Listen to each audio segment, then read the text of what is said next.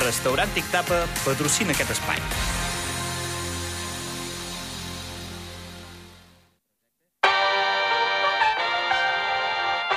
Zona Esports amb Joan López.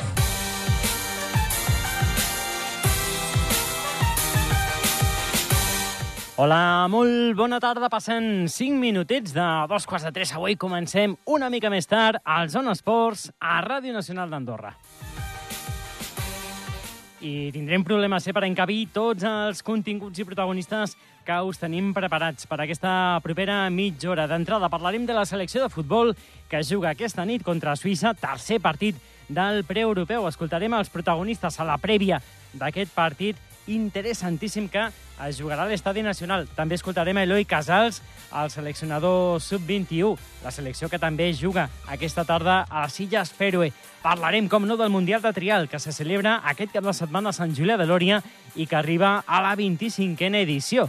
Ho comentarem amb la presidenta de la Federació Motociclista, Natàlia Gallego. Tenim moltes ganes de saludar dos alpinistes del país que han tornat del Kanchenjunga, malauradament sense haver pogut coronar el cim Domi Trastoy i Gonzalo Fernández. Avui han estat rebuts pel Comú de Sant Julià de Lòria i tornen amb una experiència positiva, tot i que, com diem, no hagin pogut coronar el tercer cim més alt del planeta. I volem saludar també l'àrbitre de la Federació Andorrana de Bàsquet, Igor Esteve, que aquest cap de setmana participarà a la Final Four de l'Aleport a Burgos. Tot això en aquests zones esports que arrenquem amb Oriol Piera a les vies de so i qui us parla, Joan López. Deixem el sumari i comencem.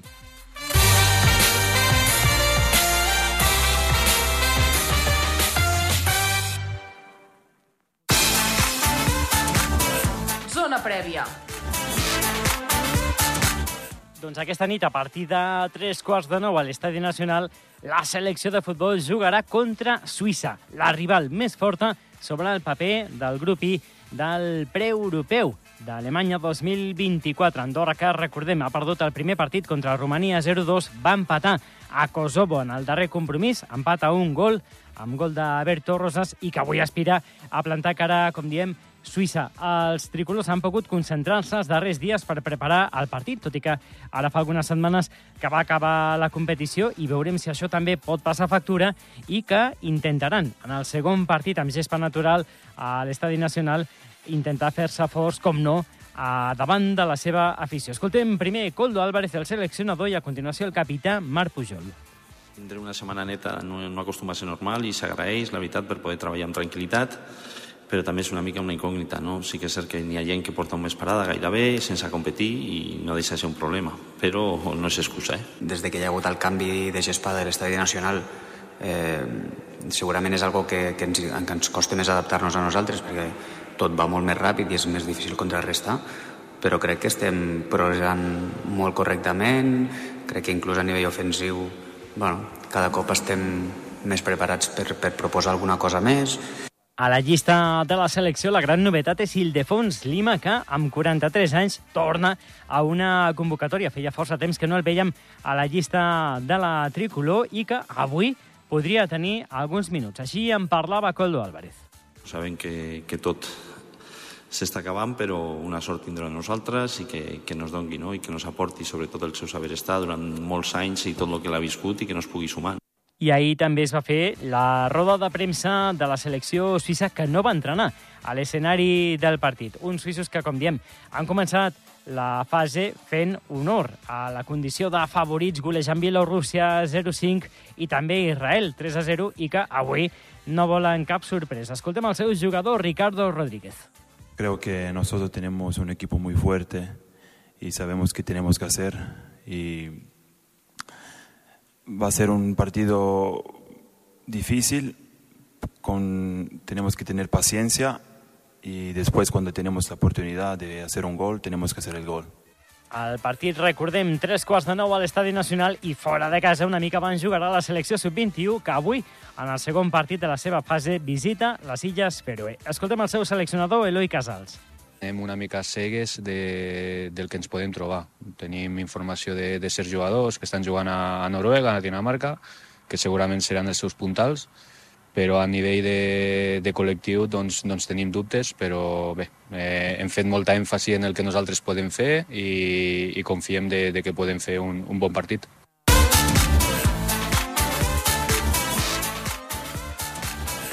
Zona Motor. Doncs, amica, si el futbol és protagonista avui, el trial ho serà a partir de demà, amb el Mundial de Sant Julià de Lòria, que arriba a la 25a edició. És una edició molt especial, les noces de plata. Tindrem, com sempre, els millors del món. Compte, eh, perquè arriben més igualats que mai al capdavant. Toni Bou, només 8 punts de diferència sobre el segon classificat, Jaime Busto i Sant Julià Couté. Tot preparat, com també la Federació Motociclista d'Andorra, perquè sigui un gran cap de setmana. Ja ens escolta la seva presidenta, Natàlia Gallego. Natàlia, bona tarda. Bona tarda. Arriba una nova edició del Mundial de Trial, però aquesta, Natàlia, és més especial, eh? 25ena.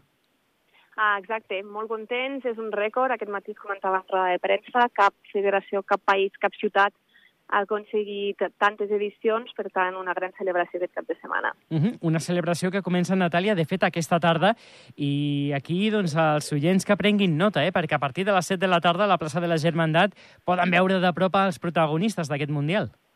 Sí, exacte, hem previst després de la seva frenètica jornada, no? Avui tenim les, els controls tècnics, administratius, visita de zones, entrenaments, i quan acabi tot això, doncs, hem volgut deixar un espai d'una horeta, de 7 a 8 aquesta tarda, entre la plaça Laurèdia i la plaça La Germandat, a uns actes una miqueta doncs, per celebrar aquest èxit que jo crec que, que és molt important pel país i està prevista una desfilada dels pilots amb tots els companys d'equip, que també són persones importants, no? Sempre parlem dels pilots, però al darrere hi ha moltíssima gent.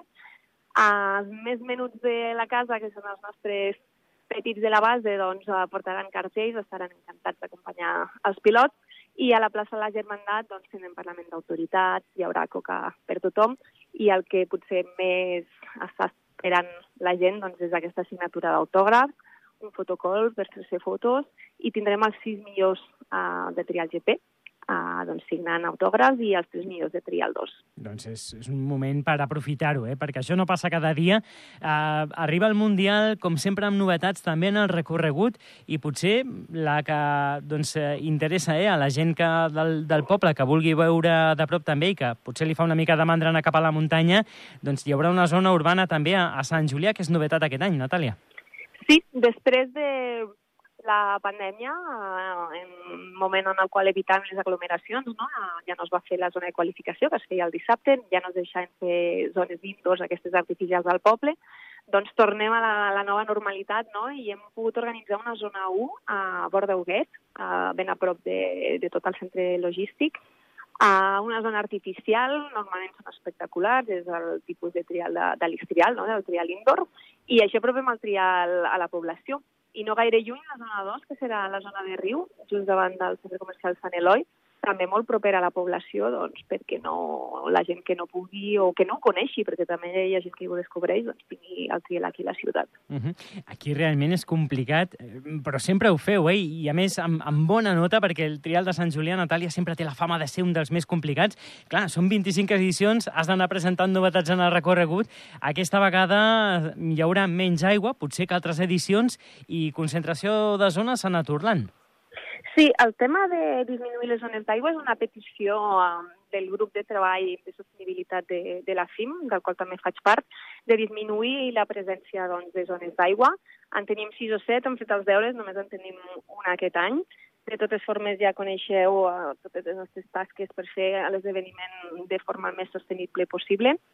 I el gruix de zones, eh, sí, cota 1.600 de Naturland, de la 3 a la 12, per tant, molt fàcil accés pel públic, tot concentrat allà i serà molt fàcil seguir el trial. Algo que quan hi ha diferents grups de zona és més difícil, doncs aquest any els hem posat senzill. Uh -huh. Tindrem una batalla preciosa i amb l'emoció al màxim entre el nostre, podem dir-ho així, eh, Toni Bou, que ja porta uns quants anys residint a, a casa nostra, el, el rei, no? el millor pilot de tots els temps, que només lidera la classificació, Natàlia, per 8 punts de diferència sobre el segon classificat, Jaime Busto, a qui des de fa anys molts col·loquen com el seu hereu, ja veurem, eh? el temps donarà o traurà raons, però només 8 punts de diferència entre el primer i el segon classificat. Sí, la lluita està molt emocionant. Um, després del Mundial del Japó anaven empatats a punt i com la darrera victòria havia sigut, sigut del Jaime, doncs el Jaime liderava el rànquing. Cap de setmana passat uh, dues proves de San Marino i el Toni Bou dues victòries, amb la qual ara té vuit punts d'avantatge. Coneixem el Jaime Busto, no li ficarà les coses fàcils a, al Toni. El Toni, a més a més, sempre té aquesta pressió fregida de, de córrer a casa, no? la seva segona casa. Uh, amb dos uh, estan molt contents en que les zones siguin a Naturland, uh, coneixen el terreny, hi ha passos importants, obstacles amb, amb roques que els agrada a tots dos. Els he vist amb moltes ganes aquest matí. Uh -huh. Serà espectacular aquesta batalla, eh? Aviam com gestionen també els nervis, perquè el Toni Bou sempre ho comenta, eh, Natàlia, que el trial de casa li fa patir una mica més per, perquè té com una pressió afegida. Sí, sí, eh, crec que ho patim tots, eh? no només ells, sinó la seva família, amics, tots els ciutadans. Vivim amb ell, no?, aquesta pressió i, bueno, esperem que vagi bé les coses per tothom, però evidentment sempre hem de tenir un guanyador. En tot cas, ens alegrarem, passi el que passi, i, i ho viurem amb ells. Uh -huh. I una última, Natàlia, que com sempre hi haurà representació de casa i ens agrada molt també destacar-ho perquè són pilots molt joves que estan a triar el 2 no? i que, que aspiren, que somien algun dia arribar a triar el GP. Tindrem quatre nois i una noia. Sí, tindrem el Gaudí Guai i el Jordi Lestang amb Trial 2. Ells estan apuntats a tot el campionat uh, van picant pedra, no? com jo dic, uh, és una categoria amb molts pilots, uh, crec que són 44, uh, doncs aprenent, aprenent, uh, dos, tres anyets, no? picant pedra, com, com estic dient. Tindrem també el Valentí Cristina, que s'estrena amb Trial 2, i el jo Miquel Garcia, que estarà amb Trial 3, uh, per tant, aquests quatre en categoria masculina, i amb noies tindrem uh, a una jove novetat, que és l'Èlia Pasquet, que s'estrena amb Trial 2 Woman i s'estrena a Andorra, ja que és la primera prova del campionat. Uh -huh. I l'acompanyarà la Pi. Uh -huh. La Pi que, que la podem... competeix amb el, amb el país espanyol, però bueno, és molt arrelada al país, havia estat a, al grup de tecnificació de la Federació d'Andorra, ajuda amb els entrenaments de la base, per tant, molt arrelada i quasi també la, la, podem dir que és andorrana també per nosaltres. Mm -hmm. Doncs eh, representació molt bona la que tindrà també la Federació Motociclista en aquest Mundial de Sant Julià de Lòria. L'última ara sí, Natàlia, per l'arrencada demà de la competició. 9 del matí, plaça de la Germandat, al podi de sortida. Això mateix, 9 del matí, primera sortida del primer pilot, i l'arribada de l'últim pilot després de les dues voltes del recorregut al voltant de les 4, on tot seguit hi haurà els podis. Uh -huh. Doncs Natàlia Gallego, presidenta de la Federació Motociclista d'Andorra, moltíssimes gràcies per atendre'ns en directe i que sigui un gran cap de setmana. Moltíssimes gràcies. Bona tarda. Zona Agenda. Doncs, amic, que continuem en directe al Zona Esports. Avui fem una zona agenda particular perquè eh, també volem saludar, tenim moltes ganes, al col·legiat de la Federació Andorrana de Bàsquet, Igor Esteve, que aquest cap de setmana participarà. Serà un dels col·legiats que xiularan els partits de la Final Four de l'Aleport. Recordem, ja amb l'ascens del Morabanc Andorra hi havia una segona plaça d'ascens a la Lliga Endesa que passa per aquesta Final Four que jugarà a Burgos i que tindrà entre els participants doncs, l'equip anfitrió, el Burgos, com no, el Palència, el Guipúscoa i el Valladolid. Igor Esteve, bona tarda. Hola, bona tarda. El que no podem dir de moment és quin partit et tocarà xiular. Exacte, no podem dir perquè encara no ho sabem, tampoc. Uh -huh. Us ho diran aquesta tarda. Dia, uh, demà, segurament demà. Uh -huh. Com ho vius? Uh, suposo que, que és una cita important per tu, uh, tot i que aquesta temporada no, s'han anat xiulant partits de, de l'Aleport, però ser en aquesta Final Four és un, una gran recompensa. I tant, i tant. Uh, vamos, és, és un, una, gran, una gran recompensa, tota la feina tot l'any, una, una gran alegria, també, i una gran responsabilitat, perquè al final, amb, amb tres partits, es decideix el segon equip que, que pujarà a la CB i, i, bueno, i tots els equips van a tope i serà una gran responsabilitat que fer, fer un bon treball. L'escenari, a més, Igor, és immillorable, no? El Coliseum de Burgos, un, un escenari d'ACB.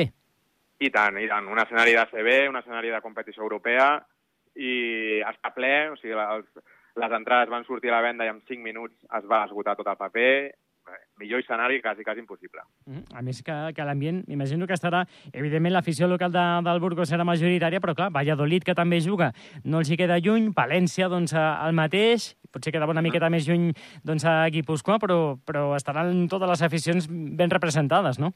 I tant, i tant, fins i tot Guipúscoa. Guipúscoa és la, la, més lluny, la, la que està més lluny i encara tampoc està tan lluny. De la causalitat de que tres dels equips són de Castella i Lleó per tant, València i Valladolid estan molt a prop de Burgos, la pròpia afició de Burgos, i, i la de Guipúscoa estarà al, al pavelló molt ple. Uh -huh. Igor, ja fa anys que, que, que xiules i, i, a més, en competicions molt diversificades, no? Perquè estàs a l'Aleport, però també eh, xiulant partits a la Lliga Femenina i també uh -huh. competicions europees. Exacte, a la Federació Espanyola doncs estic al, bueno, que se'n diu el grup 1, que, és, que abarca les competicions de l'Eport i de Lliga Femenina, i després també, com soc, soc àrbitre internacional per la Federació Andorrana, doncs durant, durant l'any també xiulo competicions europees d'Eurocup masculina, de la FIBA, són de la FIBA, i Eurocup i Eurolliga femenines, a més de la representació als campionats d'estiu, també. Uh -huh. I per on passa el teu futur? En el món de, de l'arbitratge hi ha possibilitat de continuar ascendint i fent passos endavant a, a curt termini? En quin, en quin moment estàs? No, no, jo estic uh, disfrutant, gaudint molt de la competició de l'Aleport. Bueno, a més, aquest any Andorra l'ha pogut gaudir molt i, i ja ha vist el nivell que té, la, bueno, la, la, tot, no? tot el nivell de joc, el nivell d'entrenadors, el nivell de tot que té. Jo estic gaudint molt d'aquest moment, igual a la Lliga Femenina, igual als meus partits d'Europa, i, i seguir treballant i seguir passant-m'ho bé i, i ja està. I amb el meu treball i tot, el futur ja, ja dirà. Uh -huh.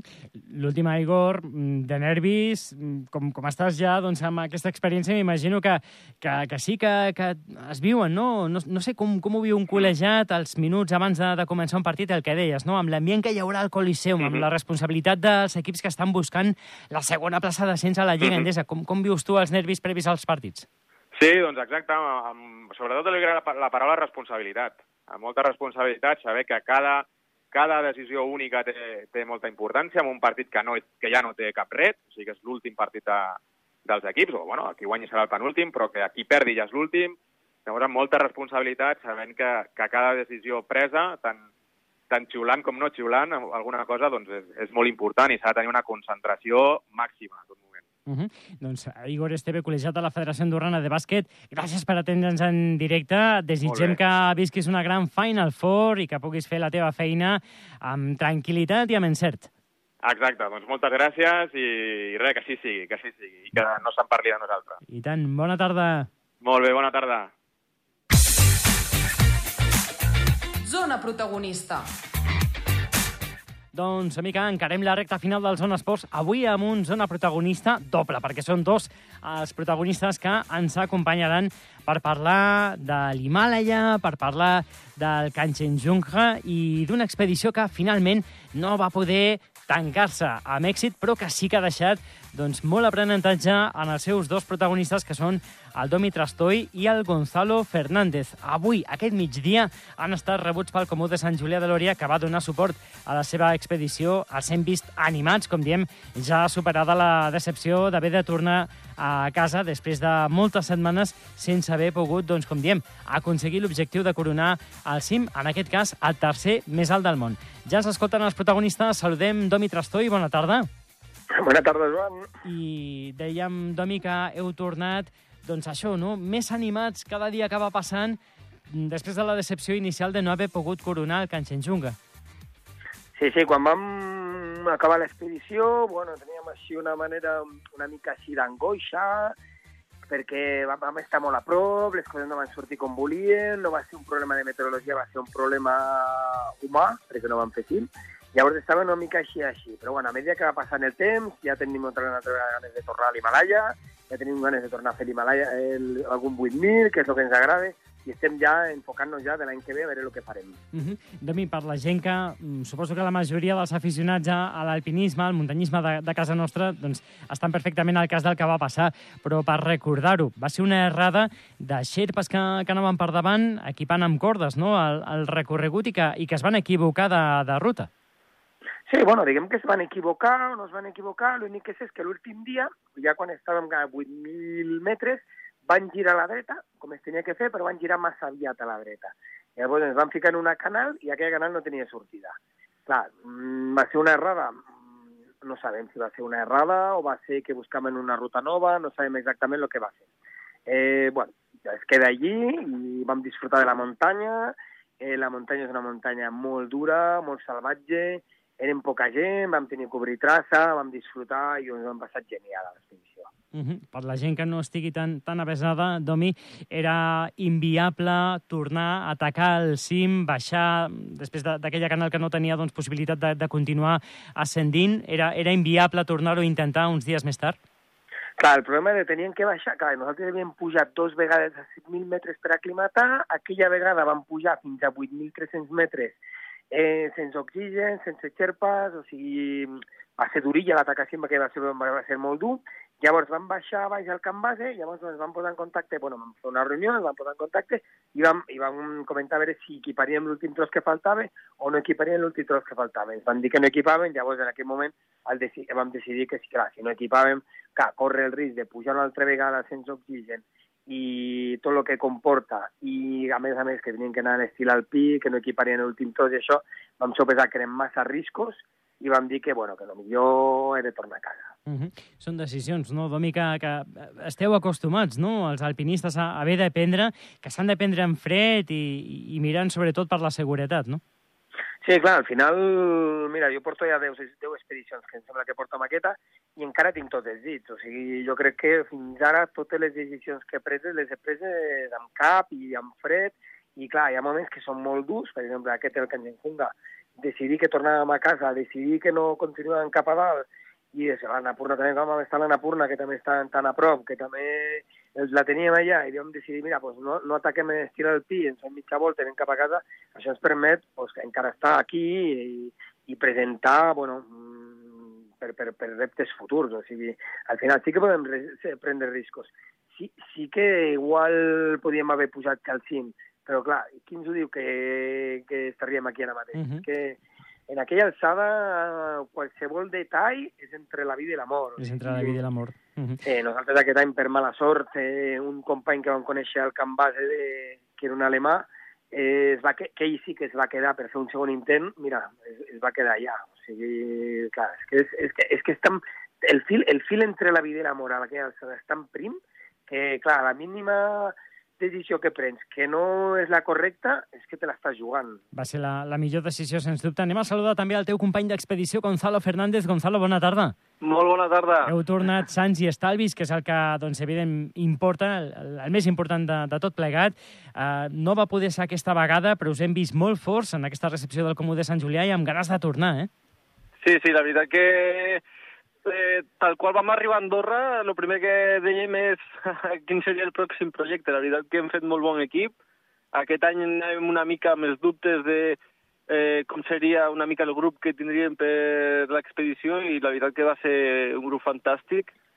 Eh, al final no vam poder tornar amb la cirereta del cim, però bueno, contents de que vam baixar tots sencers, eh, com diu el Domi, al final, pues al final després de tantes expedicions eh, continuant tots els dits i no tindre congelacions i res, pues, és una mostra de que fem les coses en cap i sabem que la muntanya, a la mínima que comets una errada, ho pots pagar bastant car. I, uh -huh. bueno, D'aquí a uns mesos podrem conèixer moltes més coses d'aquesta expedició, perquè avui ens heu explicat que hi ha la intenció de fer un documental amb totes les imatges que heu pogut doncs, fer d'aquest Canchenjunga. Una última i contrarrellotge, Gonzalo, perquè se'ns acaba el temps, però sí. eh, vas patir uns símptomes que et van fer patir, per si podia ser un principi d'edema de, sí. cerebral, estàs perfectament, un ensurt més, no?, en una, una expedició duríssima. Sí.